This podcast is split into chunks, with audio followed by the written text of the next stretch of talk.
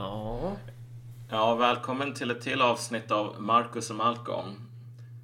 Och idag så skulle vi prata om de allra fuktigaste memesen. Totalt nya memes. Som inte alls är gamla utan helt nya, färska från pressen. Mm. Vi ska prata om en swimmingpool med aids. Exakt. Det här, det här, det här, det här är original content alltså. Ja. Fy fan. Ni, ni vet inte vad ni, kom, vad ni ger er in på, ni lyssnare. Jag, jag, det brinner i mitt huvud nu. Jag tror inte att jag kommer få någonting sagt i det avsnittet. Jag brukar få skäll ibland för att det framstår som att jag har dåligt självförtroende. Men jag, jag kommer från Närke. Så jag vill, bara, jag vill bara göra det klart. Att jag har, jag har jävligt mycket papper här med mycket anteckningar nu. Och så får vi se om det blir någon som helst ordning på det här, på det här temat. Men... eh, Förra avsnittet, ska vi börja där eller? Ja, ja men det kan vi göra. Grejen är ju den, jag har ju inte ens släppt det förra avsnittet än eftersom eh, eh ja, det, det, det är mycket nu när man driver ett Örebroparti. Eh, och eh, Eh, men det, ska ju komma innan det här i alla fall. Och i det avsnittet som ska komma ut, såvida inte jag upptäcker när jag sitter och redigerar det, att det är skräp och därför kastar det. Men oavsett om du har lyssnat på det förra avsnittet, om du kan lyssna på det förra avsnittet eller inte, så handlade det i alla fall om Prime Directive och doktriner. Eh, när man sätter någonting överordnat för politiken egentligen. Ja, precis. Ehm, och, och det är väl lite där vi tar vid nu på något sätt. Ja, men exakt. Och för den som inte har lyssnat så jättesnabb sammanfattning är väl att det, det som man måste förstå idag när man tänker sig i termer av hur, vilka frågor man väljer att behandla och liknande idag. Främst från vänstern. Men också från alltså, DN, liknande människor. Ja. Jag tror till och med det är värre på DN än i vissa vänstersekter faktiskt. Av det jag har hört. Typ alla politiska eh, små sekteristiska grupperingar har nog det här. Hela det här klägget. Ja. Liksom. De har ett Prime Directive och det är lojalitet till den egna liksom, gruppen, eller vad man nu ska säga. Till, till, och en, en, en bekant till dig uttryckte det väl bäst i något Facebook-inlägg där det var så här att man ska inte prata om de här sakerna och då var det typ barngifte här och såna grejer. För man kan inte vara vänster och prata om det. Nej, och det är just det som är poängen att, att, att Ja. Prime Directive är att förbli vänster på något sätt. Exakt. Och, och då, Syntaxen här är inte, det är dåligt för vänstern att prata om Nej. det här. Det är inte liksom, det är, det är otaktiskt utan det är, du kan inte på någon sorts ontologiskt, spirituellt, moraliskt plan vara vänster om du tycker att det här är någonting man pratar om. och på ett sätt så är det ju också korrekt med tanke på att vänstern är ju inte, alltså vänstern som politiskt subjekt eller vänstern som politisk gruppering idag. Man borde inte säga vänstern, men man borde ha ett mer konkret, specifikt namn för just den här företeelsen som vi ser idag. Som är vänstern. Ja. Men, men ja. Eh, där, där tar vi vid. Precis. Och saken är den, jag skrev en sån här, eh, en, en, krönika i GP som definitivt var beställd av eh, eh, Svenskt Näringsliv för att den handlar om marxism. Ja, just det. Eh, och min poäng, och det här var så fascinerande att se reaktionerna på. Min poäng var egentligen ganska enkel. Det är så här. Om du försöker göra skillnader idag mellan alltså sådana här frågor som du vet arbetare borde bry sig om. Typ maxtaxa på dagis och sånt som de inte borde bry sig om. Ehm, vilket är ja, men typ böneutrop, invandring, här, Särlagstiftning. särlagstiftning, typ sharia, whatever. Ja. Liksom. Ehm, du har ingen jävla stöd i Marx. Ehm, och det här ledde ju till massor med reaktioner i kuddrummen som jag var inne och kolla på med lite så här voyeuristisk, liksom pervers njutning faktiskt. För jag tycker sånt är väldigt kul. Um, det är så här, jag förstår inte vad kapital är, jag är typ postmodernist, jag är dum i huvudet, bla bla bla bla bla sådär. Uh, och det som slog mig när jag läste det här var väl att alltså, här har, vi, här har vi också ett jävla prime directive. Men det är inte bara att det är levande personer som alltid måste ha det här regeln hängande ovanför sig. Det här får du säga och det här får du inte säga för då är du inte vänster. Det här gäller även döda människor, folk som har varit döda i mer än hundra år, som Karl Marx. De måste också vara vänster och är de inte det så är de problematiska. Och nu kom vi in på den här skitroliga, jätteanvändbara liknelsen som vi kommer att återvända till gång på gång på gång. Det här med swimmingpoolen. Det vill säga att marxismen är en, en, en swimmingpool typ, eller? Precis. Tänk dig att du har den här fina swimmingpoolen och det är den historiematerialistiska vetenskapen. Sen så har du tyvärr ett gäng människor och det är dagens vänster och de har kom, kommit och fyllt den här poolen med aids. Du kan inte simma i den utan att få massor med jävla aids. Och det som behövs göra idag, det är att komma med en stor jävla liksom, tank klorin och hälla i det i den här poolen. Så att man inte behöver få aids automatiskt genom att typ äh, äh, äh, Ja. befatta sig med Marx. Ja. Ehm, och det här låter ju, alla, alla som vet, vet någonting vet ju precis hur jävla liksom gammal meme det här är. Så jag ber om ursäkt för, för alla konnässörer här. Men jag, jag är faktiskt lite halvt seriös. Och det är så här att vi, vi, vi, för att förklara lite grann det här med hur Prime Directive, liksom hur det inte bara formar liksom sociala grupperingar utan folks hjärnor idag. Och Hur de tänker politiskt, vad en analys är till för, vad Marx är bra för. Ehm, så måste vi faktiskt ta, plocka isär lite grann ehm, den här, dels den här kritiken av den här uh, krönikan jag skrev, men sen också varför den kritiken är intressant. Och eh, på den tiden, för ganska länge sedan, när jag var någon form av... Jag hade good boy points. Jag var, jag var en schysst kille, du vet, innan jag blev mainstream och hemsk. Ja, men jag umgicks här i Uppsala med en person, ganska välkänd på Twitter och liknande. Jag ska inte nämna honom vid namn. Har en ganska bra blogg. Som jag inte heller får nämna här för då kommer folk att bli ledsna i ögat. Ja. Eh, men hur som helst, liksom på den tiden jag höll på att skriva lite grann då och då. Jag skrev inte så jättemycket. Eh, och jag tyckte att den här snubben, han var antingen så var han lika smart som jag eller så var han mycket mer smart. Liksom. Det varierade lite grann beroende på dagsform. Ehm, och grejen, en av de sakerna han berättade för, för mig var väl att hans bakgrund i, i Vänsterpartiet som en person med en bokhylla som upptog hela väggen och alla de här böckerna han hade var liksom så här politiska böcker, marxism så. Men som en sån snubbe. När han försökte diskutera saker i Vänsterpartiet så stötte han alltid på massor med olika väggar. Och ta det här med typ feminism. Om man försökte analysera så här, kvinnofrågor utifrån en marxistisk analys. Då blev folk jätteilla till mods. De bara, nej så där gör vi inte. Nej, man får inte blanda där. Nej, man ska inte blanda det. Utan här har vi en annan sorts analys. Ja. Liksom. Och bara, men vänta, vilken då?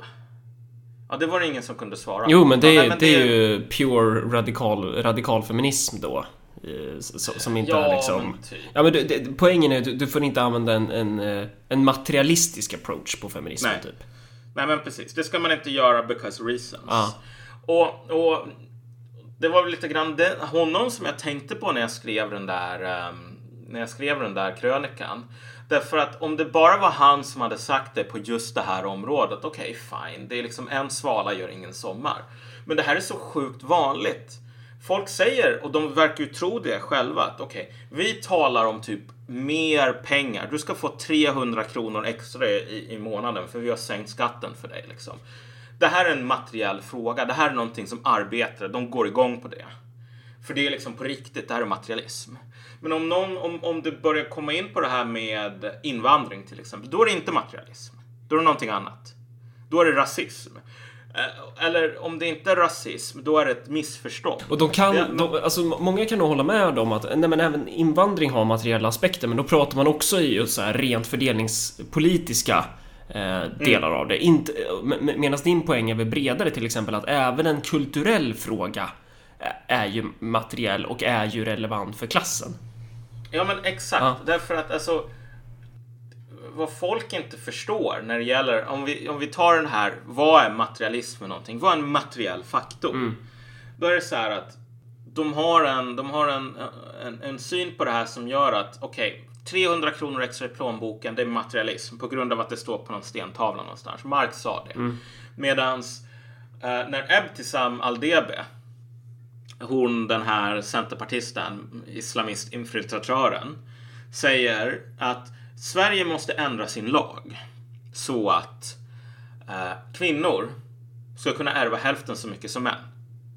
Då är det här liksom ungefär, ja, du gillar chokladglass, jag gillar vaniljglass, men det är subjektivt. Alltså, det finns ingen materiell kärna i det här som gör att det här är en riktig fråga som folk bryr sig om på riktigt. Mm. Utan de kan bara bli lurade och bry sig om det här i strid med sina egna intressen. Liksom, att det finns sociala frågor så finns det materiella frågor. Men det där är bullshit. Det är inte så det funkar. Utan och, och det här är den poängen som jag tror folk liksom anklagade för att vara postmodern. Typ. Det, om du tänker dig slaveri. Slaveri är en social relation. Det är inte ett empiriskt, alltså det är ju ett empiriskt faktum på något plan. Jag kan se på någon och se att han går runt i bojor och jobbar på en jävla galär. Mm. Han är nog slav. Så här, jag kan ju iaktta det. Men det är inte någonting som är, det finns liksom inga slavpartiklar. Och det fanns människor som försökte lansera under antiken där slaveri var skitvanligt. Det fanns ju folk som försökte lansera idéer om att typ slavar, det var människor som hade, de var slavar för att de var födda till det typ alltså. Att någon är en slav för att, alltså, det, det vad en slav är liksom. Det, det ligger i den här personens natur att slava. Och det är därför den är en slav. De var inte populära de idéerna därför att det normala synsättet det var så här. Du är en slav på grund av att din jävla stadsstat förlorar i ett krig med min stadsstat och det ger mig rätten att sälja dig till slaveri liksom. Så här, det här är det som händer med losers. Om du hade vunnit då skulle jag vara slav åt dig, men nu var det jag som vann. Så liksom, tough luck. Det var den attityden man hade. Så att idén till exempel om att en person som förlorar ett krig har förlorat rätten till frihet. Det är rättvist och naturligt att han blir slav. Även om han är en skitschysst kille eller vad det nu kan vara. Mm. Så liksom, du är slav för att du förlorar. Den finns inte idag. Eh, den fanns då. Och den idén är någonting som existerar i folks huvuden. Mm. Men om vi ser till liksom vad för sorts effekter den idén har så är de effekterna självklart materiella. En arkeolog som gräver upp gamla ruiner av så här romerska latifundor, sådana här jättestor jordbruk. Ja. Kommer att kunna säga, ja men shit, de här jordbruken skulle inte ha existerat om man inte hade slaveri. Nej. Um, så, så visst, idéer påverkar världen. Och det är det som är, alltså, och den här sociala konflikten mellan slav och herre är någonting som driver samhället framåt alltså. Slaveriet driver dels utvecklingen in i liksom bomullsplantager och latifundor. Men sen så påverkar ju förekomsten av de här grejerna den här verkligheten som Det vill säga att, att slaveriet ger upphov till idén om typ den starkes rätt då? Nej, det är snarare så här. Den starkes rätt är väl någonting som mer ger upphov till slaveri i någon mån. Ja, och den starkes rätt som idé kommer då av att vi spöar din stadsstat i krig, typ. Ja, exakt. Okay. Mm. Sen, är väl, sen är det väl bara så här att det som behövs också för att slaveri ska komma till mm. är inte bara en idé om den starkes rätt utan också att det finns en nisch som kan fyllas av slavarbete. Ja, precis. Poängen med slavarbete främst, det som gör det nice, ja det är att ha geografiskt kon, kon, väldigt geografiskt koncentrerade arbetsintensiva saker du behöver göra. Och dyr arbetskraft. Om arbetskraften är pissbillig, då behöver du inte slavar. Alltså det är onödigt. Därför att folk kommer alltid att jobba på ett jävla jordbruk 18 timmar om dagen eh, hellre än att svälta ihjäl. Um, så om du inte har det här hålet som skulle kunna fyllas upp av typ slavarbetare, vilket alla samhällen inte har, då kommer du inte att utveckla en, en, en, en liksom slaveri som institution. Men slavsamhällen ger ju då också upphov till slavuppror. Exakt. Och de ger uppror till idéer om egalitärt, liksom det ska inte finnas slavar. Mm. De, de ger upphov till det som Nietzsche kallade slavmoral, mm. rent krasst alltså. Um, och det här illustrerar ju den här grundläggande dynamon i marxism, marxistisk historiematerialism. Vilket är att de sociala konflikterna som kommer ur eh, idéer om hur världen ska uh, organiseras och också idéer om hierarkier. Jag äger dig. Jag är man, du är kvinna. Mm. Du är det och det. Du är arbetare. Jag är präst. Whatever, liksom. De sakerna formar samhället. Och samhället och världen formar i sin tur idéerna. Mm. Det är den här klassiska basöverbyggnad, Ja. typ. Ja. Och idéerna formar samhället. Som formar idéerna. Och så vidare och så vidare. Så det är ju liksom, det här är motorn som det här gummibandet som drar historien framåt. Och poängen här är ju, idag så har ju folk tappat det där väldigt mycket. Att idag är det så att nej men vi har de här stentavlorna med kilskrift och det är så att maxtaxa det är en materialistisk konflikt. Arv, muslimsk arvsrätt, nej det är inte en materialistisk konflikt. Eller typ kvinnofrågor, inte en materialistisk konflikt. Nej. Om jag säger så här, jag vill inte ha kvinnor i arbetslivet därför att jag är en manlig rörmokare.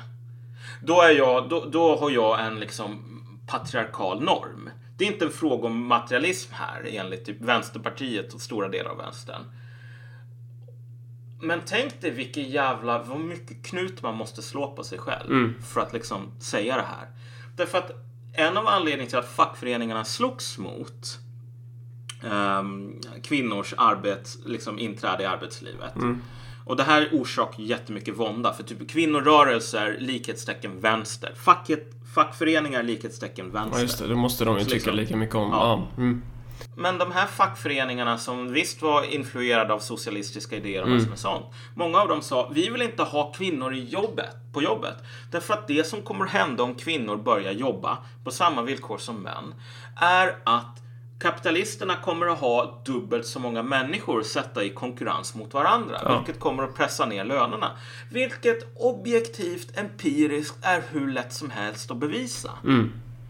En av de sakerna som har skett sen liksom eh, 50-60-talet idag är att en familj på den tiden som jobb med en person som jobbar har liksom li, nästan lika liksom mycket köp hade lika mycket köpkraft då ungefär som en familj där både mamman och pappan jobbar. Det är inte så att man har fått dubbelt så mycket köpkraft över att det är dubbelt så många i familjen som jobbar. Utan man har nästan gått ner till att få hälften så mycket köpkraft liksom utslaget per person. Det här sa folk, det här kommer att hända, därför vill vi inte ha massa kvinnor ska vara hemma. Och idag så blir det det här dubbeltänket att nej men okej, men de här människorna, de här fackföreningarna, de hade fel. De fattade inte liksom. De var lurade. De, de förstod inte sin, sina materiella intressen. Eller så blir det så att, ja men vet du vad, håll käften Malcolm, du är problematisk just nu. Ja. Alltså, för du kan inte inlämna den här sociala konflikten i den här eh, uppdelningen mellan, här har vi den här sfären där det är kvinnofrågor och sen har vi materialism å ena sidan. Och här har vi liksom invandring och det är någonting annat. Men här, på det här området, då bryr sig folk om det längre... När Moderaterna skär ner på vården så att det blir längre vårdköer. Då bryr sig folk, för då är det så här, jag får vänta längre på vård. Det är en materiell konflikt. Så tycker vänstern. Moderaterna som skär ner 10% i budgeten, materiell konflikt. När man tar emot 10% av landets befolkning på 10 år och folk som har ett väldigt alltså, avancerat vårdbehov ofta, liksom så här, tänder som faller ur och liknande, så att de hoppar före i kön. Så att min kötid också liksom förlängs, till och med fördubblas. Då är det inte en materiell konflikt. Nej. Det är liksom så som vänsterns tankesätt på det här området funkar idag. Och det här är ju det som är det fascinerande. Liksom. Det vill säga här att, är... att man hänger av sig ma- alltså analysen för vissa specifika frågor. Sen så skulle säkert vi, no, alltså, några skulle säkert invända så här, nej men eh, det, det finns visst en materialism i radikalfeminismen men då blir det materialism i termer av mäns våldskapital kanske eller något sånt där. Att man, man inte liksom ehm, det är viktigt att inte blanda ihop korten. Ja. Eh, och, Och- ja, Och vad folk kommer att säga också, om det är någon i vänstern som lyssnar på det här, vilket är överlag det, den sortens personer som vi talar om lyssnar inte på Marcus och Malcolm. fast, fast det, gör, det gör de visst det. Okej, för att bli arga kanske i så fall. Ja. Men, men, men så här, det, det kommer säkert att finnas folk som säger Åh, vet du vad? Det här är bara eh, halmgubbe liksom. Malcolm säger att att, att, att man inte säger att det är en materialistisk konflikt med invandring. Men det är aldrig någon som har gjort. Fuck you! Jag kan visa fucking jävla screenshots på riktigt namnkunniga människor. Jag har fan mailkonversationer med välkända vänsterkolumnister och feminister som skriver de här sakerna till mig. Jag tänker inte släppa dem därför att det är egentligen inte så jävla relevant. Alltså, det, alla, alla vet, alla vet att det här pågår. Så liksom, get real. Så visst, halmgubbar, okej, som vi håller på och knaka mot. Men det kommer vi att fortsätta göra därför att det, de här halmgubbarna, så de, de, de, de finns nära dig om vi säger så. Och, och grejen är att nu, nu, nu förklarar vi varför vi använder den här liksom ehm, riktigt liksom eh, torra Swimmingpool. memen. Ja. Ja. precis. Därför att om du tänker dig, vad är det Prime Directive här? Mm. Liksom. Prime Directive, det är att vara vänster. Och vänster betyder i klarspråk att inte vicka på båten i den här sociala miljön.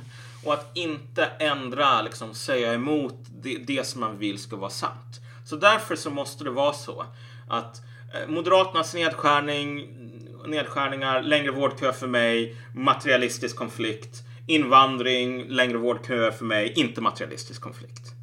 Och vilket betyder att du har den här marxistiska poolen och det är aids som folk häller i. Det är så här, var vänster. Håll inte på med, håll inte på att simma runt här, håll inte på att försök vara materialist. Alltså, håll inte på att försök eh, följa Marx exempel. Du ska vara väns- vänster. Och om du inte är vänster, om du inte vill ha vänster-aids, då är den här poolen inte för dig. Nej. Och det, det ja, nej. Ja, pro problemet blir ju då att då kommer ju... Då kommer ju Aron Flam få rätt. Ja. Då kommer, så då kommer alla de här personerna som går runt i t-shirts som det står krossa socialismen på.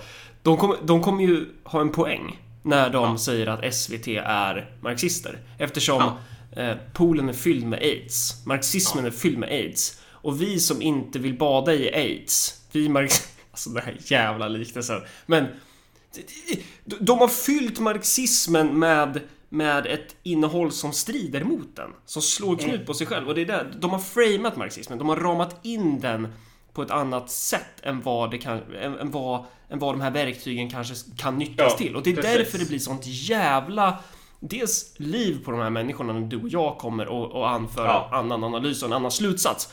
Eh, men också att majoriteten av våra lyssnare ser sig inte som marxister.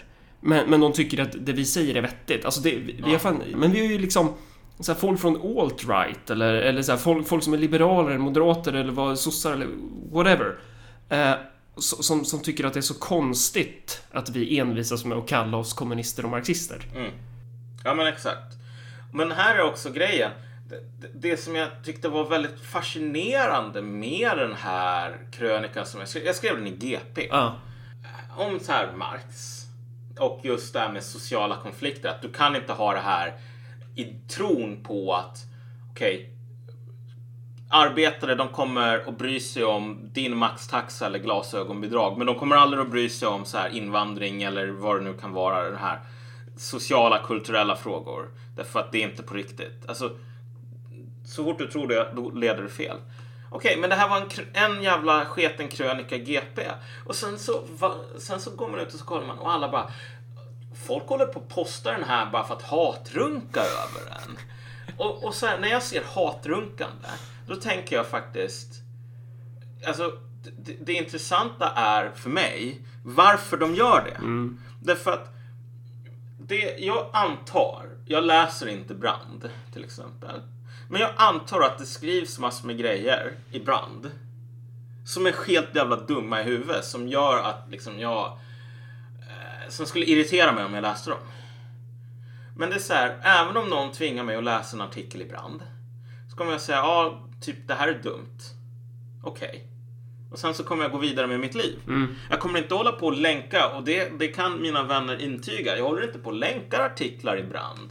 Jag håller inte på att liksom leta reda på dem bara. Fy fan vad det här är dumt. Det här är så jävla galet. Varför får den här jävla fittan skriva det här? Hur kan han våga göra det här? Jävla idiot. Vet ingenting liksom. Jag skiter i det liksom. Jag behöver inte hatrunka. Därför att hatrunk är fan ett tecken på resentiment. Men i det här fallet skulle jag säga att när du skriver om Marx i GP, det finns ju fan folk på Timbro som skriver om Marx och liksom inte kan ett piss. Det skiter jag i också. Men jag tror att här kommer vi in på det här återigen. Det farliga för någon som håller på och badar i poolen och är ensam där för att den är fylld med aids, det är om det kommer någon med klorin. Och det farliga, och vi ska ta den här, den, den historiska aids-poolen här, det är den katolska kyrkan. Katolska kyrkan hade en pool som hette kristendom som de fyllde med sin egen jävla form av aids, vilket är Vatikanen. Och så sa de, men vet du vad, om du accepterar det ena då måste du gilla det andra liksom. Och sen så kom det, det var liksom dödsstraff på att översätta Bibeln till vernakulär. Därför att översatte man Bibeln, det här var rädslan liksom, rent konkret. Då kommer folk att inse, vet du vad, men vad fan, kristendom och katolska kyrkan, det är inte samma sak. Nej. Eh, och det var ju exakt det som hände.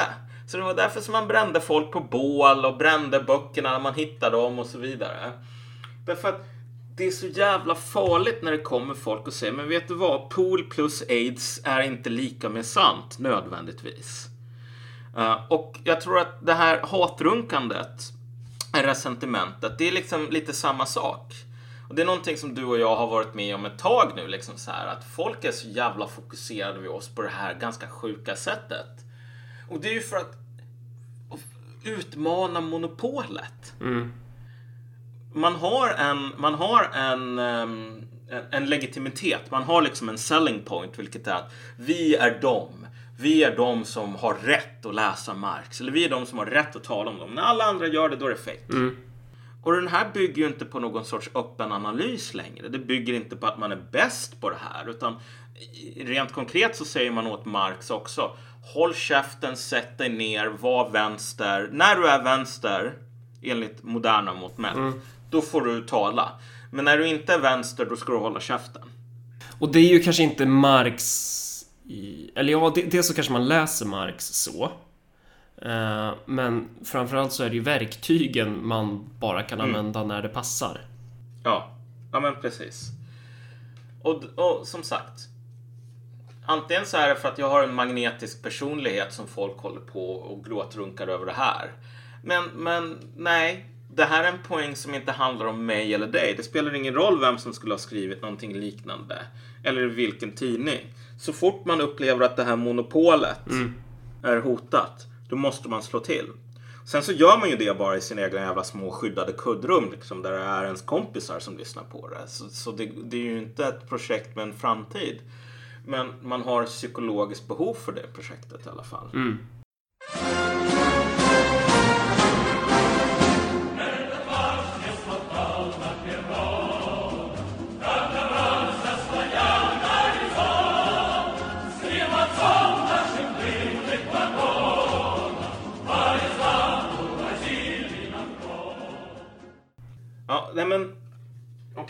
För att föra vidare diskussionen mindre från att hålla på och basha vänstern, vilket faktiskt blir tråkigt även för oss, och mer in på en förklaring av det här fenomenet som också gäller för typ liberaler och liknande, som gäller för alla egentligen. Den, den risken finns alltid där. Det är så här, för att förstå varför Marx är så problematisk. Man får tänka sig att det finns man kan ta alkemi som ett exempel egentligen. För jag hade en snack med en kompis om just det här för ett tag sedan. Jag med att det har funnits så här diskussion kring, är alkemi egentligen liksom föregångaren till vetenskapen? Att, alltså så här, det var vetenskap på 1500-talet när folk inte riktigt visste så här, allting. Eh, men de försökte i alla fall. Och svaret är nej. Alkemi är inte samma sak som vetenskap. Det är inte ens en, en sämre version av vetenskap. För att i vetenskapen så finns det en viss logik.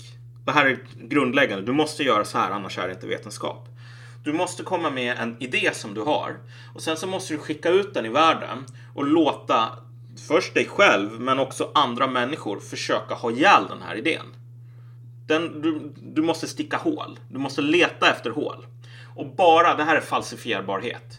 Och bara när du har försökt förgäves och motbevisa, bevisa att det här stämmer inte. Då har du någonting som är bra. Så det här är ju liksom det vetenskapliga paradigmet. Falsifierbarhet, liksom, styrkan ligger i att den överlever i någon sån här darwinistisk värld där alla försöker sticka hål på idén. Uh, alkemin var ett moraliskt system. Alkemin börjar med, det var en förklaring av hur världen funkar. Men den börjar med en karta över hur den ville att världen skulle se ut, mer eller mindre. Liksom. Och det här var liksom mo- moraliska eh, um, teser nästan. Så här att liksom, materia ska liksom flöda från att vara lägre liksom vad ska man säga, lägre tillstånd till högre, ädlare tillstånd. Så här. Och att liksom en metall kan vara ädel eller liksom oädel, men allting strävar efter att bli ädelt. Alltså, det här är inte vetenskapligt därför att vad du håller på med inom alkemin, det är att du har en idé som du ska försöka bevisa. Och om du hittar, ja men det här funkar inte, då kommer du att försöka hitta ett annat väg att bevisa den här idén. Därför att det är inte en fråga om, det är inte en fråga om vad som, hur saker ser ut, utan hur saker borde se ut. Så det är alltså att du vet att du är på steg ett och så ska du ta dig till steg 10 och du vet hur steg 10 kommer se ut. Eh, Ja, men, exakt. och, och problemet är att du ska bara lösa upp steg 2 till 9. Ja. Här kan vi ta den här jämförelsen som vi snackade om innan mellan Örebropartiet och liksom partiet med stort P. Ja, just det. Liksom. Eh, kommer vi in på den nu? Är det inget mer vi ska... Vänta. Ja, men vi, vi, kan, vi, kan, vi kan ta just den grejen här nu faktiskt. Ja. För att illustrera den här moraliska, liksom den här idealismen. man säger så. Eh, ja, vad vill man säga där då? Jo, att, precis, att, att det finns en liknande idé. Det du pratar om, eller det alkemin behandlar, det är ju det här med en idealtyp. Och, det, och det, det är väl också det som marxister vänder sig mot, till exempel utopiska socialister, för att de jobbade ju ut efter en idealtyp också ju. Mm. Eh, Precis. men, men när det gäller Örebropartiet då, så att... ehm, ja, hur vill man säga att det skiljer? Alltså så här. Vi har ju inte ställt upp en idealtyp och tänkt, dit ska vi. Exakt. Eh, utan det är ju kanske mer tvärtom, att så här, här är vi. Ja, precis. Och man, man testar olika saker och så ser man vad som funkar. Ja. Men det här är ju någonting som man har läst väldigt mycket kritik över för att det här, det här är inte seriöst. Ja. ÖP är inte seriöst. Inte bara för att den har en ful logga i, i, i, vissa människors ögon. Jag säger ingenting att jag håller med här. Eh, men, men, utan det är se- oseriöst för att alltså bara i änden den börjar. Ja. För att liksom, men har man, vad, är part, vad är programmet liksom? Vad är tidningen? Ja. Och, och jag menar, du och jag, ingen nämnd, ingen glömd här, men du och jag har ju varit i så här samtal med folk som ser sig själva som seriösa leninister. Ja. Vet, diskutera bygga partiet. Och så bara, har ni någonting, har ni en så här internet, liksom någon sida? Har ni en typ podcast? Det är ganska Ja. bra. Bara, nej. Och bara, men är inte det någonting som man borde ha kanske? Det, det funkar ju. Det, det, har ju. det leder ju liksom till viss framgång. Bara. Ja, men du förstår inte vad grejen här, här är. Och grejen är alltid att så här, Lenin hade inte det här. Och Lenin hade partiet. Han hade den här eh, liksom... Fast du, kom ihåg vad de sa. Alltså det de sa var ju, var ju typ det du pratar om nu, fast de hade fyllt det med aids. Alltså Ja. de sa ju, innan vi kan starta en podcast måste vi göra en eh, vetenskaplig socialistisk analys om huruvida en podcast verkligen är rätt väg att gå. Och innan vi kan göra det, då måste vi göra en analys om huruvida internet är rätt väg att gå. Så att det blir Ja, det nej, här... nej. Då, vad de sa var innan vi gör den analysen så måste vi göra en analys om hur man gör den här analysen om podcast är bra. Och jag bara tänkte så här. Alltså jag har ingenting emot analyser. Det är skitbra. Men det här är ju en stelnad form. Ja. Det här är, när, när den här personen talar om analys. då är det den här filosofiska liksom, idealbilden, den här liksom, idealismen. Alltså han, Om han liksom måste ju få hur- län från Säpo den Ja. där snubben. Ja. Det, är- ja. Ja, men det, ja, men det är liksom det så här idealtypen av när Lenin sa analys, då menar han det här. Det är inte så här att Lenin sa, men okej, vad vill jag ta reda på, hur gör jag det? Utan så här, vad gjorde Lenin när han tog kontakt med den marxistiska andevärlden? Och det är just det. Man, man, man kan inte, man är liksom så här, ska vi verkligen ha podcast? Och en stor jävla skepticism. För att alltså, det här är inte någonting som liknar, alltså till formen, det som partiet med stort P gjorde. Nej. Och om du säger så här, tidning, då kommer folk säga, ja men vet du vad, skitbra. Vi har bara tio läsare, men partiet med stort P hade en tidning. Ja. Det här att bygga den här idealtypen på jorden. Liksom, det här är filosofisk idealism. Det här är Hegel. Ja, och man imiterar rörelserna utan att fatta Ja. teknikerna. Ja.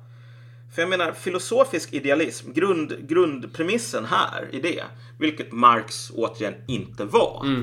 Det är så här att i den filosofiska idealismen, det finns liksom en, en so, ta socialistisk revolutionär. Det finns alltså en, en perfekt socialistisk revolutionär som inte existerar i verkligheten, men är liksom på ett metafysiskt plan. Det är en arketyp. Och målet är att vi människor, vi går mot den här materian där det finns den socialistiska revolutionären, typ Bosse eller Vladimir. Som, som, har, som är människor och socialistiska revolutionärer. Och sen så genom den här liksom förfiningsprocessen som när man liksom ska liksom ta fram stål. Så tar du bort allting som inte är stål. Liksom, så att du bara har den här socialistiska revolutionären kvar. Du har skalat bort den mater- materiella verkligheten tills du har idealtypen kvar i varje människa. Ja. Eh, och det roliga idag är ju att alltså, de här människorna som ser sig som leninister och håller på. Ja, vi måste göra en analys av hur man gör analyser om podcasts är bra. Det är så här, de, har, de har hamnat i att de är filosofiska idealister som vars idealtyp är en gammal sorts filosofisk materialist. Liksom. Så, så verktygslådan de har, den är idealistisk. Men det som de vill bli, det är materialister. Liksom. Det är sjukt fascinerande faktiskt. Um, men, men som sagt, när ÖP får den här kritiken, då är det ju för att ÖP utgår inte från det här moraliska systemet. Vi vill ju liksom. inte vara partiet med stort P. Det är ju det som är grejen. Vi, ja, vi, vi har släppt det. Vi, vi vill Ja. inte ha med det där att göra. Nej. Men, men, men, men det är värt att poängtera att liksom ingenting av det som partiet har gjort eller Ja. kommer att göra utgår ju från den här moraliska kalkylen. Nej. Man gör det som funkar och det som inte funkar det ska man inte göra. Och det här kan man ju också jämföra med hur man som politisk, alltså eh, så som jag själv känner när jag upptäcker att jag har ju gått det kommer ju låta konstigt men att, att jag har haft jag har gått upp och ner och nu känns det som jag går upprätt. Det vill säga, om vi tänker att vi, vi målar upp en figur här. Eh, ungefär som man ska dividera ett tal. Så i, vad, vad heter det, täljaren, det är taket. Där har vi vänstern och sen i nämnaren, där har vi Marx. Och liksom, i täljaren, där har vi liksom eh, the prime directive. Marxismen underordnas vänsterns, vänstern som politisk företeelse. Eh, nej, så här säger vi istället. I täljaren, där har du politik.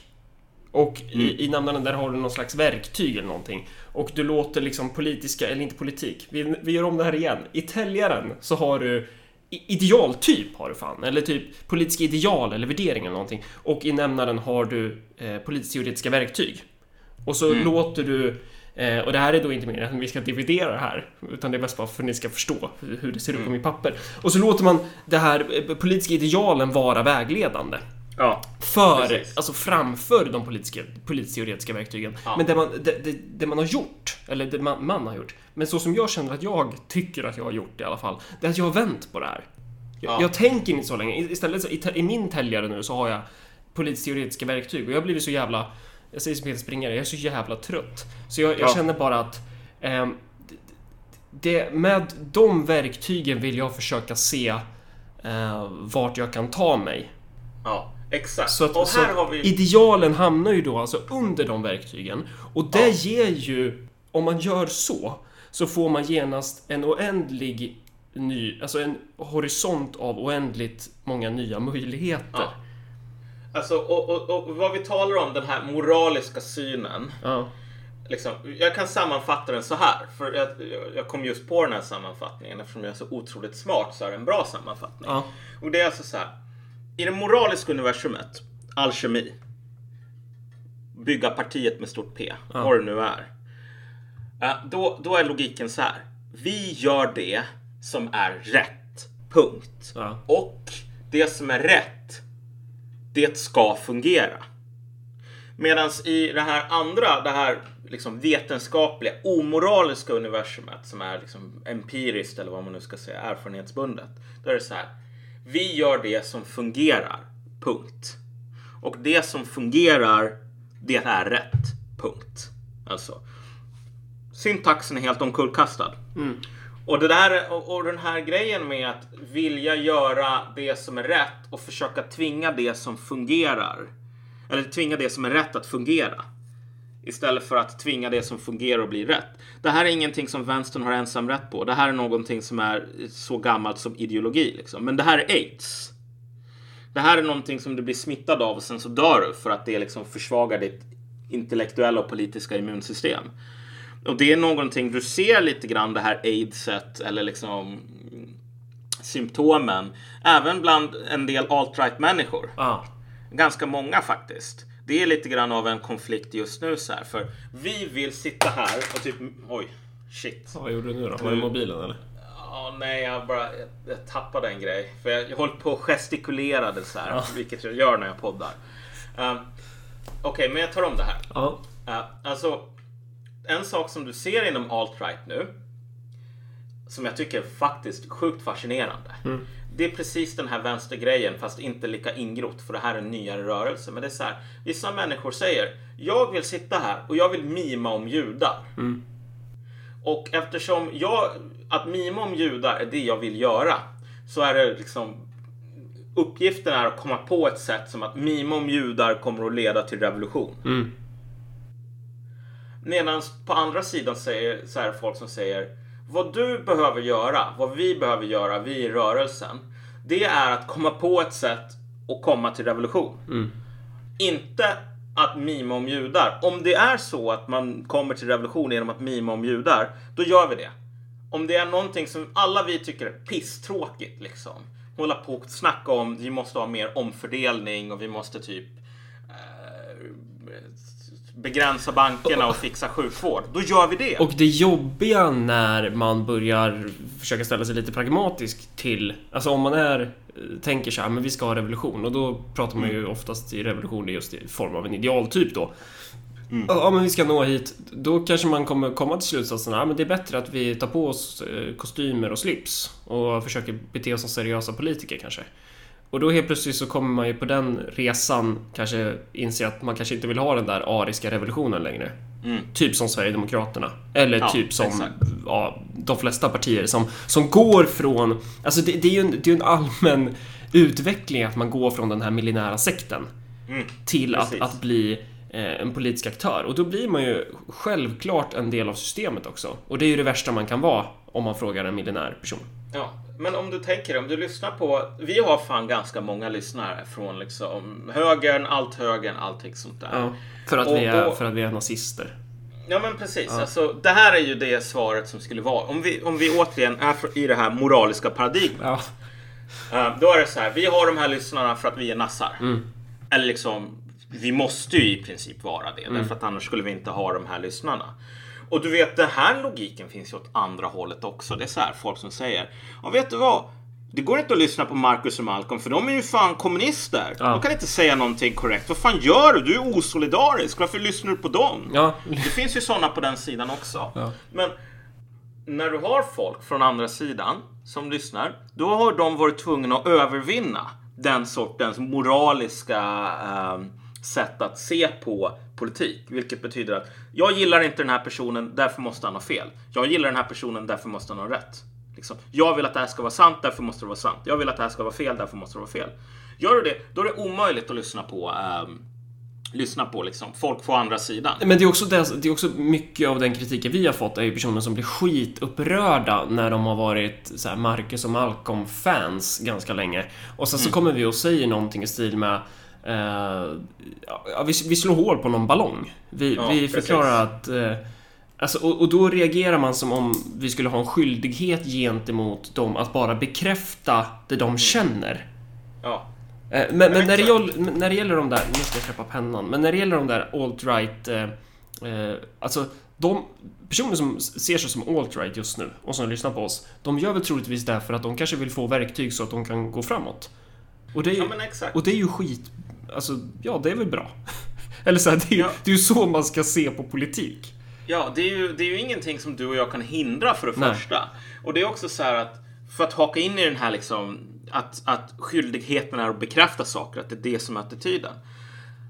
Eh, Man har den attityden mot Marx också. Nu är det folk som håller på Exakt. på Twitter, typ från allt åt alla och bara säger ja men vet du vad? Alla måste läsa Marx för att lära sig liksom om CA, kulturell Och appropriering. du, och du är helt säker på att det där inte är ett skämt då? Alltså, du... Nej, jag är inte helt säker, men vi lever i en tid där det här, det här lätt skulle kunna vara på allvar. Okej, ja.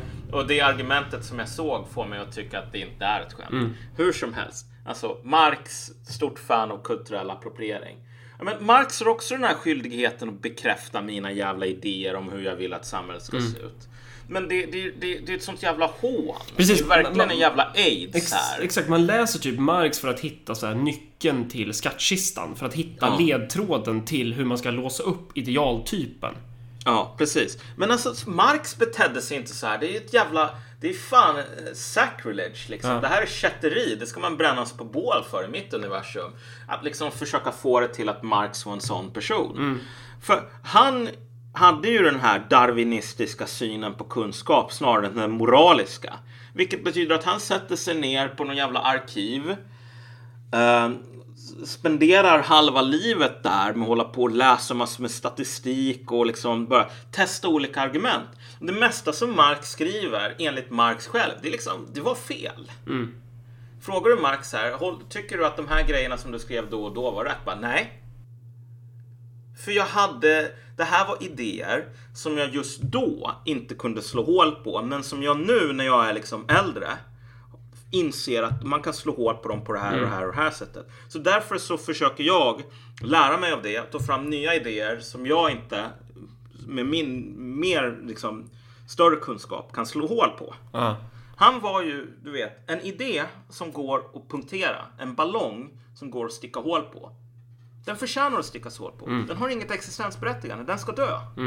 Den, som, den, den politik, den idé, den analys som inte kan slå sig upp till toppen av täppan, döda alla andra.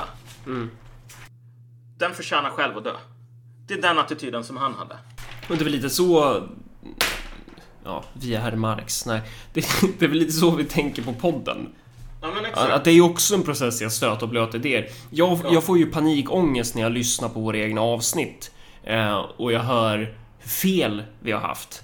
Ja. Eh, och det, det kan ju ha hänt att det är ett och annat avsnitt som, som har försvunnit ungefär som vissa människor i Sovjetunionen försvann. Och så vet, vet man inte riktigt vad fan tog de vägen någonstans. Men, Ja. Och så kan det gå. Eh, vi, vi är tre år idag för övrigt Malcolm.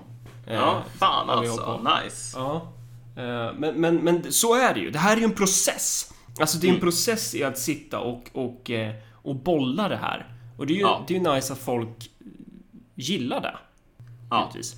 Ehm, och det, men, men vad fan tänkte jag? Sovjetunionen! Det, Ja. Man var ju likadan där.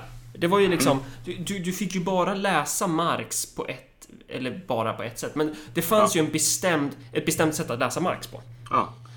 Ja. Men det jävla aids som Sovjet dumpade i den här poolen. Ja. Det var ju bara så här att, ja men vet du vad? Marx säger att Sovjetunionen är bra.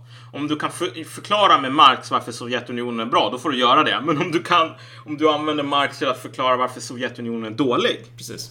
då, jä då jävlar. Ja. Därför att Marx var helt enkelt underkastad det här Prime Directive som gällde i Sovjet, vilket var att inte vicka på båten. Så på det planet så har ju de här jävla idioterna eh, på Timbro mer rätt än vad de kanske tror. Att det är mindre saker som har ändrats än liksom gamla Sovjetperioden. Det är bara att nu är det jävla blåhår, queer, eh, vad det nu kan vara som är liksom the prime directive. Istället för någon trött jävla sovjetisk liksom, byråkrat som säger håll käften. Så blir du skriken i ansiktet av ett blåhår. Men, men du blir fortfarande skriken i ansiktet om du försöker tänka fritt. Eller om du försöker inte bara tänka fritt utan tänka rätt. Vilket det här också är vad det handlar om. De rätta idéerna, det är idéer som inte går att slå hål på. Det är idéer som inte behöver ett jävla skyddat kuddrum. Ehm, och jag menar, den som tänker fritt och tänker rätt, det är en person som aldrig behöver vara rädd för andra människor. Liksom. Fast- Behöver isolera sig i de här trygga rummen. Ja, eller det, det, det, det är väl klart eftersom galningar kommer ju attackera en just av den anledningen. Man blir ju attackerad. Alltså det, det är ju en... Jobbar du enligt den metoden så kommer du, helt, du kommer ha konflikt varje dag. Varje dag kommer du ha konflikt med personer som, Ja, som, som står i vägen för det här. Men eh, där du inte kommer ha... Alltså den andra varianten, det är ju att, att rätta sig helt in i kuddrummet och försöka, och försöka ligga där och mysa. Nej, men jag, jag menar bara så här, visst det leder till konflikter med blåhår och hålla på och ställa frågor om samhället idag. Så är det ju självklart. Och det gör massor med jävla äh, äh, soyboys irriterade, om jag ska använda det uttrycket. När vi är ändå är inne Men- på Soyboys. Eh, Ja. Fick vi inte någon nyhet där angående vårt kära... Du som är före detta distriktsordförande för Ung Vänster. Du, det, det, det här ungdomsförbundet. Som, Ja. som vi ju helst vill lämna bakom oss men som diverse redaktörer in, alltså envisas med att klistra på dig. Ehm, det, vad, vad har vi? What news from the mark? Uh, det som jag har hört om Ung Vänster är ju att de har haft den här officiella eller inofficiella policyn att om du är snubbe i Ung Vänster då får inte du prata med andra snubbar om det inte är tjejer med. Därför att det här är eh, liksom patriarkal fraktionsbildning. Liksom. Vilket betyder att ja, alltså, om killar litas inte längre på att kunna prata med varandra utan, ja, men utan en vuxen i rummet. Självklart är det ju inte det här åt båda hållen utan det är bara killar som inte ska prata med varandra för att de kan liksom underminera förbundet sådär. Uh, och det är så jävla, det är så jävla kul att det är så faktiskt på ett plan. Det, för de pr- människorna som jag pratar med blir så fascin- förvånade. Bara, hur kan de göra så här? Hur kan de göra så här? Men jag, jag blev förvånad i två sekunder, men sen så insåg jag att det här är fan ganska smart. Alltså utifrån den här logiken. Ja. Det är ett döende förbund. eh, Så vitt jag förstår, det kan ha vänt kanske, för jag har faktiskt ingen koll. Det kanske är jättestort nu, men jag gissar på att det är ett döende förbund. Ehm, och om jag har fel, ja då har jag fel. Men eh, som blöder medlemmar och som när, när något sånt sker så har ledningen alltid auktoritetsproblem. Och det här är ju, det här är ju Batista som hänger upp folk i lyktstolpar. Liksom. Han var satt på ett döende system. Liksom. Då ska man skrämma folk ungefär och vara hård. Och för de som inte vet det så är Batista det var Kubas diktator innan eh, Ja, precis. kommunisterna. Han hängde, han hängde upp folk på lyktstolpar. Så här, inte när det gick bra för honom, utan när det började gå dåligt. Är då som man använder de metoderna. Men det andra som jag tycker är intressant här, och det här är en poäng som egentligen vi kanske kommer att återvända till i något annat avsnitt. Eh, för den, den är fascinerande. Och det är så här att jag tror att vänstern, eller liksom vad vi ser idag, vänstern i bred bemärkelse, håller på att genomgå en transformering idag. Alltså, en gång i tiden så var det en intressegrupp för, ja men tänk dig Centern till exempel. Centern har ju gått från att vara böndernas parti till Stureplanscenterns parti. Och i vänstern så tror jag att du kommer att se en liknande, en transformation från en sån här egalitärt projekt för liksom arbetare till att bli ett projekt för högutbildade kvinnor och deras allierade. Och att man förr eller senare kommer att gå ut och säga så här, vet du vad, vi, vi är typ, Fi är ju redan där. Och återigen, vilka är som är Fi? Det är resenärer från liksom gamla kommunisttiden, typ. En del. Schyman till exempel. Och i Fi så säger man mer eller mindre öppet så här. Vi, vi, vi är ett intresseparti för högutbildade kvinnor. Om du är en man, fuck you. Om du är, inte är en högutbildad kvinna, fuck you. Liksom. Vi är ett intresseparti. Och, och så här, jag tror att det här, det som vi talar om i Ung Vänster, är lite grann av en del av det faktiskt. Mm. Att nu, nu måste man dra in kopplet liksom. Därför att liksom målet är inte längre något så här egalitärt. En dag så ska vi komma till ett samhälle där det inte längre finns könsförtryck. Liksom. Utan nu är målet snarare att vi ska komma till ett samhälle där det är vi som sitter på toppen. Mm. Eh, så det här blev ju en jävla side rant liksom. Men, men Ja, men Alexander Bard har ju eh, sagt att han är marxist. Han har också sagt att han är libertarian, men eh, han eh, har sagt något typ i stil med eh, jag är marxist i, när, när det gäller att tolka samhället. För det, det var Marx jävligt bra på, eh, men problemet var lösningarna. mm, Och det där tycker jag också är väldigt intressant för att sättet vi tänker på politik idag och där, man ofta får kastad mot sig som marxist är just det här med, ja men vad är lösningarna då? Eh, Och det, jag tycker att det är fel för att eh, förutsatt att, att man ser på det på det sättet som vi ser på det då. Eh, det vill säga att marxismen är en samling verktyg. Eh, marxismen är inte en byggsats, en färdig byggsats. Marxismen är, det är såg, det är hammare, det är skruvmejslar, det är borrmaskiner, det är massa, alltså så. Eller man, man kanske till och med kan säga så här, historiematerialismen är en verktygslåda. Och sen kan man använda det på olika sätt. Eh, och i det här eh, men det andra sättet att se på det, det är ju som att marxismen skulle vara dels verktyg och sen en färdigbestämd ritning som är så här för att nå partiet med stort P eller för att nå revolutionen med stort R eller samhället med stort K så eh, ska du göra så här, så här, så här. Mm. Och, och det, det finns inte. Det finns ingen sån, sån skit. Det finns bara verktyg här. Sen, sen kommer ju de här verktygen givetvis vara vägledande i hur du formulerar ditt bygge. Självklart kommer de påverka dig, men här vill jag också slänga in en till grej som jag funderat en del på och det är så här. Eh, jag tror att jag har mycket mer gemensamt med, med en svensk eh, sverigedemokrat eller en person inom alt-right som är svensk än vad jag har med en kommunist i Mali. Mm.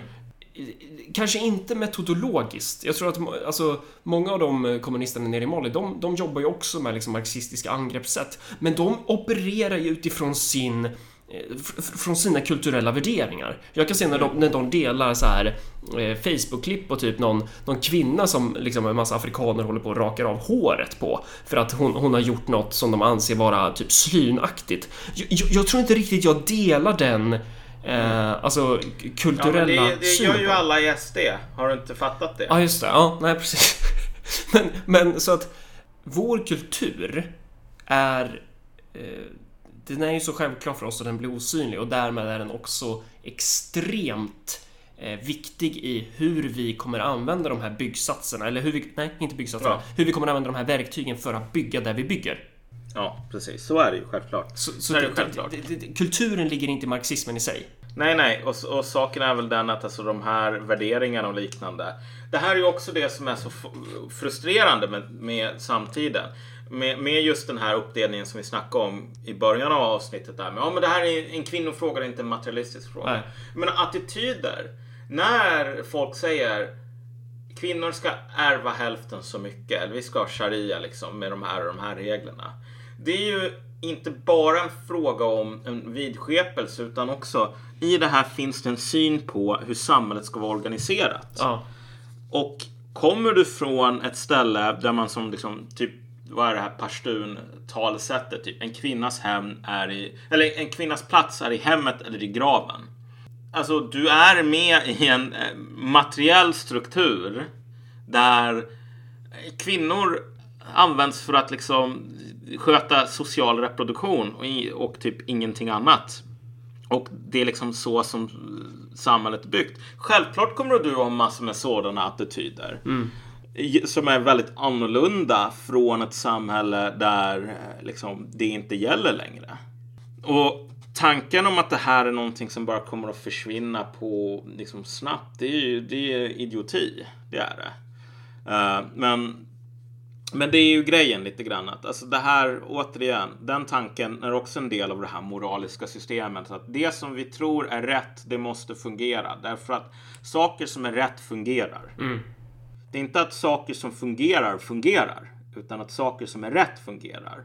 Och då är det att, ja okej, bygg, liksom, satsa på en tidning istället för en podcast. Om du, om du, om du ska liksom vara en trotte. Satsa på det här och det här. Ja, det måste fungera för att det är rätt. Ehm. Um. Kritiken mot det där um, borde ju vara alltså, alltså att man att man bara lutar sig tillbaka och bara går med strömmen. Förstår du? Att, att eh, var är visionerna? att, att det är ju det som blir kritiken då att eh, om man bara gör det som fungerar då kommer man också då blir det inget eh, ja men då blir det ju då blir det Kaiko.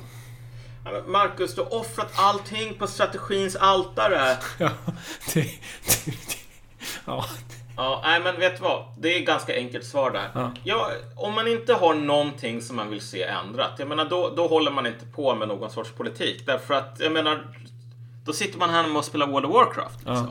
Det är ungefär, eh, om inte jag vill dricka en öl, då köper inte jag en öl heller. Liksom. Så visst, idén om att, man, att det finns de här människorna som inte har något mål alls. Det är ju, det, det håller inte på ett logiskt plan. Självklart att du och jag har mål. För annars så skulle vi inte hålla på överhuvudtaget. Så den kritiken bara, vi har inga mål, vi har ingenting som vi ser ändrat. Nej. Men- Men, skillnaden är att vad vi har, vad vi inte har, det är inte ett moraliskt system. Om jag vill ha ett samhälle där ingen sover på gatan, då tänker inte jag sälja en jävla proletären eller någon jävla trottetidning för att jag vet att det här är det rätta sättet att nå närmare en sån värld. Inte rätt i att det fungerar, för det, det förstår jag att det inte gör. Och det förstår folk som säljer proletären också att det inte gör.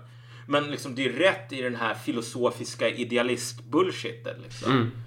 Nej, jag, jag, jag kan fan spela in en podcast eller jag kan stå och typ joddla på ett hustak om det visar sig empiriskt vara bättre än att sälja proletären. Liksom. Ja. Det, är- det är irrelevant. Jag håller inte på med alkemi. Och det gör inte du heller. Och det finns det, de människorna som inte håller på med alkemi, det är folk i högern, liksom en jävla alt-right, som tar en paus från att hålla på och posta skurt. Och lyssnar på typ oss och säger så här, ja vet du vad, de här idéerna funkar bättre än mina. Men jag kan nog få dem ännu bättre än vad Marcus och Malcolm har dem. Ehm, Men kommer inte de behöva gå till... Eh, alltså förutsatt att vi skulle ha rätt i någonting så måste de ju då... Alltså då måste de ju, vad ska man säga? För jag tror att många som lyssnar på oss som, som inte kommer från andra eller som inte håller med oss i, kanske i värderingsmäss... Eller Ja. fan ska jag uttrycka det? Som, som inte är kommunister så. Eller som inte ser sig som kommunister. De, de skulle nog... må- Många tänker nog så här, "Ja, men jag vill lyssna på den här podden och se vilka verktyg jag kan använda för mina egna ändamål. ja. Eh, det vill säga, hur kan Marcus och Malcolm, det de säger här, passa in i min egen världsbild? Hur kan jag Exakt. få det här bekräftelsedopaminet eh, när jag lyssnar på dem? Istället för, Mm. att, istället för att tänka, nu ger jag upp på det här och ändrar mig. Men det är det som jag sa lite grann också tidigare, det här med att det som, är, det som fungerar, det blir rätt. Därför att om du, om du vill, om du vill liksom se till så att du har ett jämlikt samhälle. Och det visar sig att genusdagis inte eh, räcker här, att genusdagis inte gör ett piss, men att någon annan metod fungerar, fast den den är väldigt oomtyckt bland människor som gillar genusdagis. Jag menar då, antingen så ser du en glidning av liksom vad ditt, ditt moraliska universum här liksom. Att du faktiskt säger, jo men det här funkar, det här är liksom, det här funkar, det är mer skonsamt, det är bättre på alla sätt och vis. Ja men okej, det som fick mig att säga att det här ska man inte göra, det, det kan man inte hålla fast vid. Eller så blir du en lajvare. Det är de två valen du har. Och jag menar, och det här är det som är grejen. Jag lyssnar ganska ofta, jag, jag pratar väldigt ofta med folk från högern. Och jag gör det därför, inte för att jag är liksom rapporterar mina rörelser till mina jävla mästare på Timbro eller något sånt. Liksom, att det är det som är anledningen till att man pratar. Utan det är så här, jag är inte rädd för att mina idéer kommer att bli nedskjutna av deras. Men jag är inte ens rädd för den potentiella scenariet där de blir nedskjutna. Därför att då kommer jag att kunna använda den erfarenheten för att bygga, komma tillbaks nästa dag med en ännu bättre idé. Som inte kommer att bli nedskjuten på det här sättet. Liksom. Så att man behöver inte vara rädd för att bli smittad av aids om man har den här liksom eh, galactic brain som du och jag har. Ja, just det. Men, Alltså. Nej, men nej, okej, nu, nu, nu. Men, om du har den här sociala darwinismen eller den intellektuella darwinismen som Marx också hade. ja. Då är du inte rädd. Men det är ju det som är så jävla roligt med alla de här liksom, människorna i kuddrummet. De är så fett rädda. De kan inte ha en diskussion för de vet att de förlorar. De kan inte hålla på och liksom undersöka hur saker ser till för de vet att de kommer upptäcka att de har fel. De kan inte förklara varför man måste skilja på eh, feminism och liksom så här kvinnofrågor och marxism. Därför att de, de har inte en förklaring. Så de är hela tiden rädda och så måste de hålla på och bara nej du får inte vara med, du får inte vara med, liksom allt det där. Ehm, Och det är nog, som sagt, det, det är ju en tendens som finns i så många olika politiska... Alltså man, man kan ju Ja. se det i en massa andra politiska eh, grupperingar också. ja, precis. Och saken är väl den, om vi ska liksom knyta ihop den här säcken lite grann. Att, Jag tycker du ska ta upp det där med Aron Flam. ja, nej men okej, men jag kan ta ett exempel här därför att på liksom hur det här tänkandet funkar. Liksom att vara stark intellektuellt, att vara någon som eh, eh, jag kommer inte ihåg vilket uttryck som Nietzsche använde, men det finns något så här att du ska ha den här attityden mot världen att det här är en tävlan. Du har potential, du ska maximera den. Typ. Du ska mäta dig med andra och du ska vara bättre än dem. Liksom. Du ska mäta dig med dig själv kanske och vara bättre än dig själv. Alltså om du, om du har den attityden, då kan du diskutera med folk som inte tycker som du. Och det här kan jag väl avslöja att jag faktiskt var på Judiska föreningen och så träffade jag ehm, Aron Flam. Han är den här krossa socialist, Ja. krossa socialismen t-shirt-snubben. Så satt vi och diskuterade så här politik ett tag. Ehm, kollektivism mot individualism och liknande. Om jag hade varit your average blåhår, då skulle det här gett mig ett mentalt sammanbrott. Därför att Aron Flam håller inte med mig om massor med grejer. Uh, han kommer från en annan position än jag gör. Men det här var fortfarande en ganska bra konversation som båda fick ut någonting. Därför att vad, vad jag kunde göra eftersom jag är stark intellektuellt. Jag använder inte det här moraliska universumet liksom. Den här alkemin. Det var så här. Jag kunde fråga Aron Flam. Okej. Men utifrån din, din egen position. Vad är det som du vad är det du tror på? Vad är det du tycker är viktigt? Då kommer vi fram till det här individens rätt att kunna bestämma över sig själv.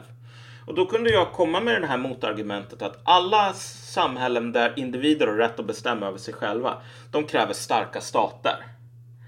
Eh, därför att samhällen utan stater, det är klansamhällen, det är kollektivism, det är stammar. Det finns inget utrymme för individuell frihet i ett sånt. Och det är liksom det är ingen skillnad nästan på att bli bannlyst från gemenskapen och bli belagd med dödsstraff. För du dör ändå liksom, i sådana samhällen. Om jag blir ban- bannlyst från min familj, ja då har jag en familj som jag inte pratar med and that's it i Sverige. Och okej, men då kommer vi fram till att det här med att skydda individen och liksom att individen, individualism är någonting ganska bra. Att man ska som enskild människa kunna bestämma saker, liksom göra val som inte är helt begränsade av kollektivet. Eh, helt plötsligt så upptäckte krossa socialism Aron Flam att den här socialisten på andra sidan inte bara hade en väldigt liknande analys med det här med att det är faktiskt ganska viktigt att med individer snarare än bara ren och skär kollektivism. Liksom. Du blir bortgift på grund av att klanen behöver det. Utan att min socialism i någon mån ser ut som den gör därför att den ska vara det här växthuset. Här skyddande jävla gråa realsocialistiska växthuset. Som skyddar den här tomatplantan från att frysa ihjäl så fort kölden kommer. Liksom. Ehm, så det blev ju inte något sådant att någon av oss sa bara fuck you, du har fel om allting. Utan vi kunde till och med komma fram till att så här, Aron Flam skulle kanske kunna leva i mitt kommunistiska samhälle. Och det kanske skulle till och med på vissa punkter vara lite bättre än vad det är idag. Alltså, Då hamnar ju ni i en diskussion som är så här. Vad är det... Alltså ni är ganska överens om att... Ni förenas på ett visst plan. ja, exakt. På ett värderingsmässigt plan så kan ni förenas om vad som är bra och dåligt, typ. Ja, Men... Och då landar diskussionen snarare i det, det rent praktiska. Hur når man Ja. dit då? Ja. exakt. Och helt plötsligt så kan man ha Vad någon funkar, vad form funkar av... inte? Ja, men då kan man diskutera med den andra personen som har andra värderingar och så vidare. Men man kan ändå nå någon, någon sorts gemensam plats. Men om jag är den här filosofiska idealisten och säger Aron Flam, ditt jävla jobb, det är att lära dig att älska. Min idealtyp av liksom den, den socialistiska kollektivismen. Då kommer Ja. han att säga fuck you. Ja. Eh, eh, och om han säger samma sak till mig, jag ska lära mig älska idealtypen av den libertarianska individualismen, då kommer jag också säga fuck you. Liksom. Men, men det är just det som är grejen. Det är ju ingen ens som kan ha de här jävla konversationerna inom, inom stora delar av vänstern, våra gamla kamrater. Jo, jo men alltså... Det, det, det, ja, det beror ju på vad man menar med... Eller ja, nej, det är klart att du har rätt. Men, men ofta så blir... Jag Nej, men tänker... alltså, du, du behöver acceptera, du behöver acceptera ehm, vad ska man säga? Ja, men om diskussionen blir så här idealtyp kontra idealtyp. Mm. Då, då går det åt helvete. Och det, det är så här, det är ju den klassiska hemmafestdiskussionen för alla 20-åringar vid köksbordet. Så här, idealtyp mot idealtyp och så blir det kajko. Ja. Men om diskussionen är typ lite mer praktiskt inriktad. Så, ja, men det här fungerar, det här fungerar, fungerar inte. Ja. Eh, då, då är det ju mycket lättare. Och det är väl lite det som är... Det var lite där jag var inne på det här med lösningar förut. Gällande verktyg och Ja. lösningar. Att, att så här, man förväntas alltid ställa upp den här idealtypen. Man förväntas alltid komma där och visa liksom Kolla, här är ritningen på mitt hus. Men om du tänker dig den här grejen med... eh, För jag vill bara understryka vad, vad, vad, vad poängen med en sån här diskussion som den som jag hade med Aron Flam är. För liksom, han gick väl antagligen därifrån med eh, och tänkte att Malcolms socialism var inte lika dystopisk som man trodde att den var när han började. Så här, lite mer eh, gick den att leva i kanske än vad han trodde. Och det är ju på grund av att man kan utgå ifrån den andra personens liksom, idéer, acceptera dem som sanna och sen visa på, men det här har du inte tänkt på. Så här. Du har inte tänkt på att när jag säger socialism, då menar inte jag alla ska vara kollektivister, utan jag menar snarare att du behöver en viss mått av kollektivism på vissa områden, typ försvar, skattebetalning, liknande, för att alla ska kunna vara individualister på resten. Eh, men för att du ska kunna göra det här, då måste du vara i det här vetenskapliga paradigmet. Du måste acceptera idéernas darwinism. Därför att jag öppnar mig alltid om, jag, om den här eto- metoden ska fungera på Aron Flam, då, måste jag skriva, då måste jag öppna mig för att om Aron Flam plock, tar sig in i mitt huvud och bara den här socialismen som du säger att du tror på, den har det här och det här hålet enligt liksom principer som du säger att du tror på. Då kommer jag vara tvungen att ändra på mig och erkänna att det var jag som hade mer fel än vad jag trodde. Men, men Och det är det, jag, är, jag är beredd att göra det för att jag har, liksom, jag har gått igenom den här jävla Ja. darwinistiska mangeln ganska många gånger. Och ju mer gånger man manglar sina idéer och ser vilka som le- överlever och vilka som inte gör det, desto mindre läskigt blir det Mm. en gång till. Men, Men blåhåren gör inte det. Nej, men grejen är också den att, att om vi ska återgå till en så här figur med täljare och nämnare. Att det finns Ja. ett tak här. Så det finns ju ett tak som förenar dig och Aron. Och det är väl Ja. att ni har, ni, uppsk- alltså, ni har, ni delar kultur, ni delar värderingar. Eh, alltså, han, han blev ju väl för fan inte socialist för att ni hade snackat typ. Nej, nej, absolut Nej, inte. Absolut precis. inte. Men, men, men ni kan ändå så komma överens om att det, det är nog bra med individuell frihet såklart. För det ligger ju i eran kultur... Alltså det, det är ju en kulturell värdering, det är det jag menar. Så Ja, ja. Ni, ni finns här i nämnaren. Men försök att snacka om det här med typ en... Eh, ja men klanledare i, i kriget Somalia. Alltså det kommer Nej, vara men svårare. Och det är ju det som blir då att eh, när man kommer in på det här med att prata om vad som fungerar och vad fungerar inte. Ja, men fungerar för vad då? Mm. Ja, ja, men, men om du tänker dig.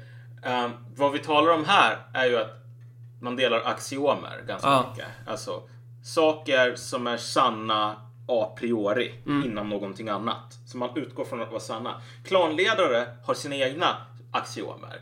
Och du kan med den här metoden diskutera saker utifrån deras axiomer. Men alltså vad du inte kan göra det är att på om någon säger jag är intresserad, jag är liksom kollektivist. Ja. Det är det enda jag är intresserad av. Liksom. Kollektivet framför individen, klanen sådär. Det som du kan säga, du kan visa på sätt som klanen inte tjänar på den här logiken kanske. Men du kan inte säga, ja men vet du vad, du borde bli, du borde bli feminist. Det går inte. Nej. Så det stämmer ju. Så just, just den här poängen om att alltså, avståndet är ganska stort många gånger. Jo, men, men grejen är att ehm, om avståndet är stort, det enda som händer det är bara okej, men vi kan inte komma överens om first principles liksom. God dag.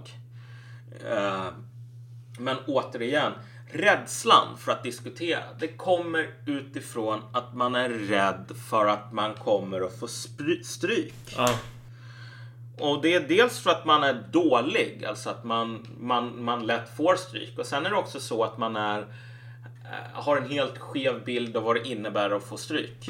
Du och jag har fått stryk om, när det gäller liksom politik på massor med jävla områden. Och det är bara att resa sig upp och säga så här, ja men det här funkar inte, okej, men det här kanske funkar. Nu har jag klippt bort ganska mycket när vi har tjafsat när vi har spelat in podd också.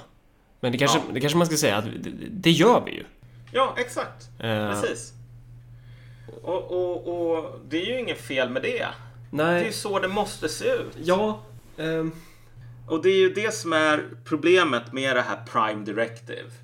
När, när det finns ett Prime Directive som står högre än Upptäck sanningen. Eller Förklara hur världen funkar. Utan det är så här. Förklara hur världen funkar som inte gör någon med rosa hår och näsring sur. ja. Alltså då, då, då du, du, du sätter alltså en... Du sätter en sorts... Du vet som när man binder fötter i Kina. Eh, man, man, man binder dem fast dem hårt när barnet är litet och till slut så får man så här free. Ja. Ja. Till slut så kan man ta bort de här bindorna för de här fötterna de är helt jävla liksom missbildade. Det, är så, det är det som sker med hjärnor när de är fast i den här paradigmen. Oavsett om det är alt-right. Liksom. Nej, vi måste prata om judor, judar. Liksom. Vi måste prata om judarna för, som äter Ben Jerry glass. Liksom. Eller som äger Ben Jerry. Vi måste göra det för det om inte du pratar om judar, då är du inte en av oss. Liksom. Okej. Du kommer också få en hjärna som ser ut som en förkrympt liten fot. Och samma grej om du, om, du, om du kör det åt andra hållet med din liksom, radikala feministiska socialism liksom, i Ung Vänster. Och det är ju, jag har ju sett det här ske. Han, han med den här bloggen skriver ju inte på det längre. Och den sista grejen jag såg honom diskutera politik om, det var det här med Nordstan. Eh, du vet alltså alla de här övergreppen och ungdomsgäng på, på, på eh, kvinnor som jobbar i de här butikerna. Och så sa han, men vänta lite, är det vänsterns uppgift att hålla på och säga till de här kvinnorna som blir utsatta för sexuella övergrepp i grupp, för vilka det är ett skitstort arbetsmiljöproblem, att bara håll käften för du stödjer SD liksom. Är det vårt jobb i vänstern liksom, som feminister? Och han fick så jävla mycket mothugg av det. Och sen dess så liksom höll han sig på mattan. Och liksom att hålla sig på mattan. Du är fan en jävla hund om du gör det liksom. Det, det är som man sa i spanska inbördeskriget. Det är fan bättre att dö på fötterna än att leva på knäna liksom intellektuellt och politiskt. Alltså det, det är någonting väldigt sorgligt med att bli besegrad på det där sättet. Eh, så, alltså återigen. Det finns en skillnad på det här moraliska universumet. Det finns en skillnad på, pool, på poolen och på aids. Du behöver inte välja både aids och poolen. Du kan välja det ena och så kan du hälla i klorin för att bli av med resten. Ja. Det var ju verkligen otroligt bra tema. Liksom. Riktigt stale meme här. Jag kommer lyssna på det här. Jag kommer bli svettig när jag lyssnar på det här. Men, men... eh, Det kanske, det kanske finns de som tycker att det här är bra. Eh, det, det, det, det, det känns som att nu gör vi vår klassiska grej, att vi sätter oss ner och, och eh, spånar relativt öppet i, Ja. i poddform. Och då blir det lite så här. Vissa gillar det formatet, andra gör inte. Ja. Eh, Jag själv är, väl av den typen personlighet att jag vill... Jag, eh, jag har bråttom. Ja, nej men samtidigt, jag tror att det är svårt att göra någonting på, på just det här temat som inte är spånande. Om jag ska veta. Ska Ja, man absolut, prata om just absolut. det här så måste det nästan bli spånande till format därför att alltså jag tror av rent formella skäl nästan. Ja. Alltså det, det ligger i ämnets natur. Ehm, därför att du behöver hela tiden testa den här, ja men vänta, fun- fungerar när jag, tar, när jag tänker på politik på det här området, fungerar Mm. det så? Liksom? Det är det som du behöver trigga fram hos människor. Den här självreflektionen. Men, men eh, ja. Eh, Det var väl det f- från oss den här gången. Ja, ja men precis. Man kan bli en Patreon till Marcus och Malcolm också och då kan man gå in på Patreon.com och så kan man eh, söka rätt på Marcus och Malcolm och då kan man donera en gåva varje gång vi släpper ett avsnitt. Mm. Är det nu vi ska, vi ska säga som Aron Flam här? Det vi producerar är gratis, du bestämmer själv om du vill stödja det. Ja, precis. Ja, ja men tack för denna gång. Så på återseende inom Men du, inte innan, innan du trycker stopp, eh, snackar ni någonting om att göra podd ihop eller? Ja, jag ska ta och träffa honom. Han har tjatat på mig om det ett Ja, tag. du kommer vara med där alltså? Ja, det är Ja. lika bra. Det, det är ändå intressant just att man kunde ha den här diskussionen. Ja. Ehm, och att... Nej, men det behövde inte bli det här att stå och skrika på varandra. Nej. Kan, kan man, kan, ska vi ha med det här i podden eller ska vi inte ha med det? Nej, men det kan vi ha med om du tycker att det funkar. Om, Ja, om du tycker att det är objektivt han- dåligt. nej, nej, nej, nej. nej, det tror jag inte. Nej. Och i så fall så får han ju chans att svara på det när, jag dyker upp. Liksom, om jag... Om jag eh, ehm, om jag gav en felaktig bild av vår konversation i hans ögon så kan han ta upp det Ja, när han bra. poddar med mig. Ja, ja, men vad fan, det var väl det den här gången då. Ja. Ja.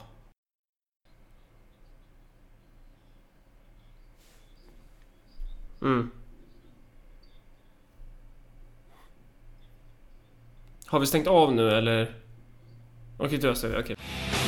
Ska lämna det skepp som sjunker och rädda det som räddas kan Och inte göra som du gjort i åratal Bara klättra högre i skeppets mast När toppen på masten till slut är nådd Finns det ingenstans kvar att fly. Det enda du kan göra då är att se ditt liv förstöras för all framtid.